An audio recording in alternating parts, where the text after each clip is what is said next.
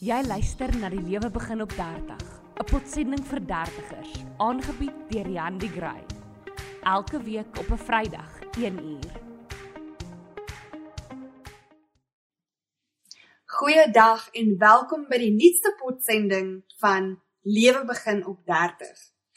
Vandag handel oor hoe hanteer ons teleurstellings of verliese of swaar kry of mislukkings.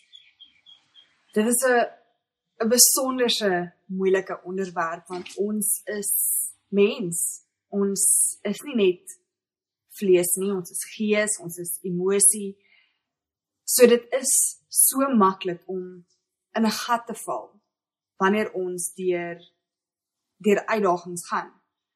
Almal van ons het een of ander droom een of ander doelwit, iets wat ons wil bereik, iets wat ons wil hê, iets of iemand wat ons graag sou wil wees. En soos ons ouer word, word in in hierdie geval word allaas genoemde groter en belangriker want ons is nou meer volwasse so ons verstaan die grootheid en die belangrikheid van dinge. Een van die mees belangrike elemente om jou beste lewe te kan lewe is om te leer hoe om teleurstellings te oorkom. Nou natuurlik, dit is baie makliker gesê as gedaan en ek dink dit is seker iets waar wat elkeen van ons sal probeer tot dit ons laaste dag is is om te leer om teleurstellings te oorkom. So alles wat ek vandag gaan sê, weet asseblief ek sê dit nie omdat ek dink dit is maklik nie, maar ek dink ons moet mekaar help waar ons kan en soveel ondersteun waar ons kan, want teleurstellings en mislukkings en verliese is is van die grootste seer wat mense in die lewe kan ervaar.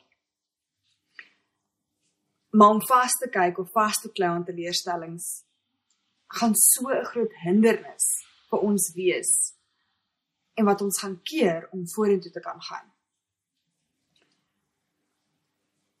As mense is dit ongelukkig onvermydelik. Daar gaan teleurstellings wees, van klein tot groot, van jy het per ongeluk 'n deadline gemis of jy kon nie die groot verkoopstransaksie suksesvol deurtrek soos jy gedink het jy kan nie. Tot baie groter dinge soos siektes of egskeidings. Watter paadjie jou lewe ook al loop, almal gaan deur een of ander vorm van teleurstelling een of ander tyd. En daarom is dit so belangrik om te aanvaar en te besef dit is realiteit. Dat teleurstellings gaan gebeur. Want as ons dit aanvaar, dan kan ons onsself voorberei deur vas te staan saam met die Here en sterk te staan deur middel van die Here se hand en sy krag wanneer ons dit nodig het. Wanneer slegte dinge gebeur, moet ons natuurlik die tyd vat om dit te verwerk, om daarmee te deel, om te treur. Ons is nie robotte nie en niemand kan van jou verwag dat jy 'n robot is nie. As jy deur iets gaan en iemand verwag jy jy moet môreoggend opstaan en dankie Dorie wees, dan sê jy vir hulle, "Goodbye, ek dink hierdie deur is nou toe." Op 'n mooi manier natuurlik, maar niemand kan verwag dat jy 'n robot is en net opspring en niks het gebeur nie. Want die probleem is dan hanteer en verwerk ons nie seer nie. En dit beteken dit gaan nooit weggaan nie. Dit gaan soos iets wees wat onder jou vel sit en dit gaan jou daagliks daagliks pla want jy maak nie seker dit is gesond nie. En dit gaan keer dat jy kan aangaan, opstaan en voortgaan. Die ding is dit gaan nie outomaties gebeur om op te staan en aan te gaan nie. Ons moet 'n daadwerklike besluit maak dat ons nou gaan aanbeweeg. Ons moet opstaan en verklaar Ek gee nie om hoe moeilik hierdie gaan wees nie. Ek gee nie om hoe seer dit is nie. Ek gaan opstaan en aangaan. Hierdie gebeurtenis of persoon het van hierdie oomblik af geen meer houpas hou vas op my lewe nie. Ek is in beheer. Om die groot vraag te vra, hoekom? Hoekom is dit met my gebeur? Is beslis normaal. En meeste van ons sal dit vra. En ek voel dit is 'n geregtige vraag.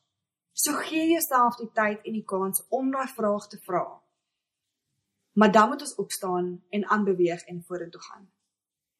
En die duiwel sal hierdie vraag van hoekom waartoe ons geregtig is, so misbruik en die hoof fokus van jou dag, week, maand, jaar en meer maak. Ons kan hom nie toelaat nie.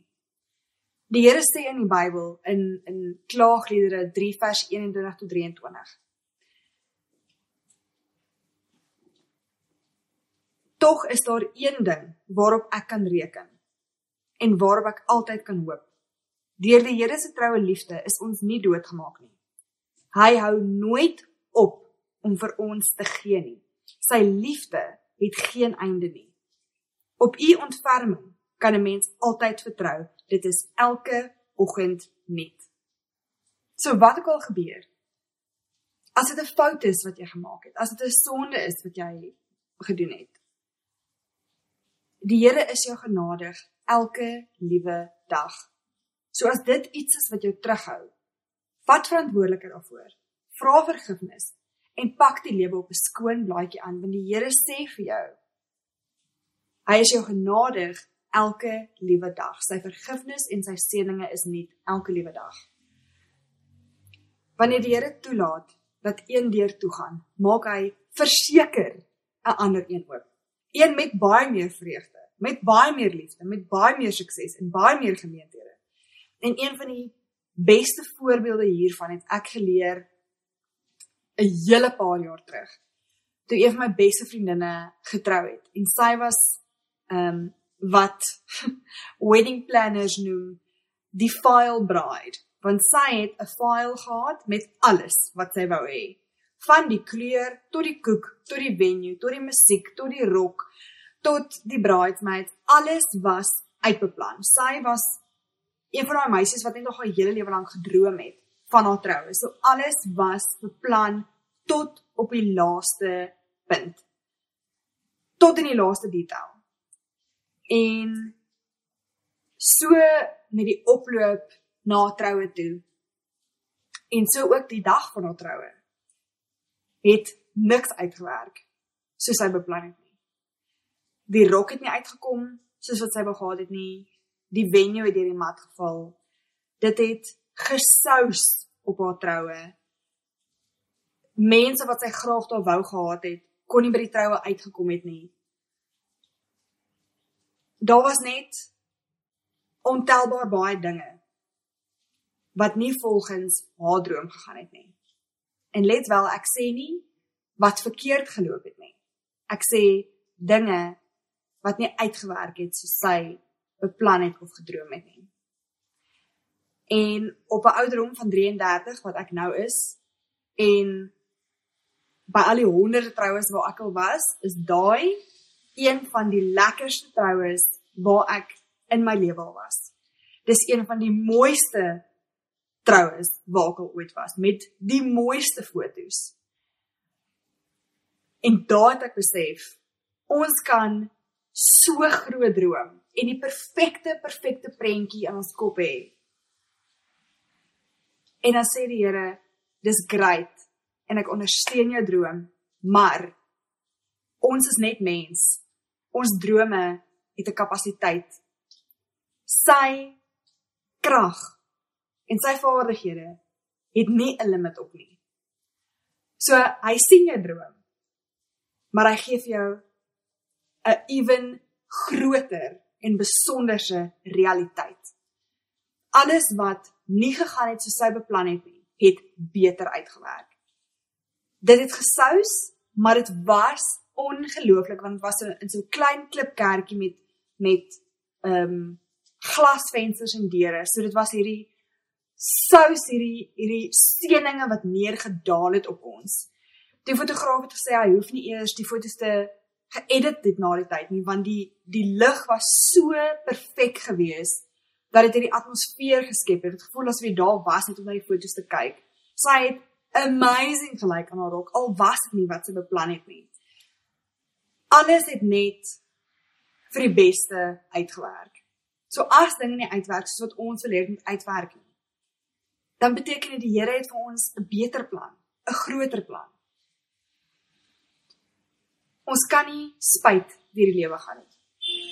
Al wat spyt gaan doen is dit gaan inmeng met ons geloof. En ons geloof moet altyd die oorhand kry. Dankie dat jy geluister het na die lewe begin op 30, 'n potsending vir dertigers. Jy kan volgende week weer saam luister na die Gray. Vrydag 1uur.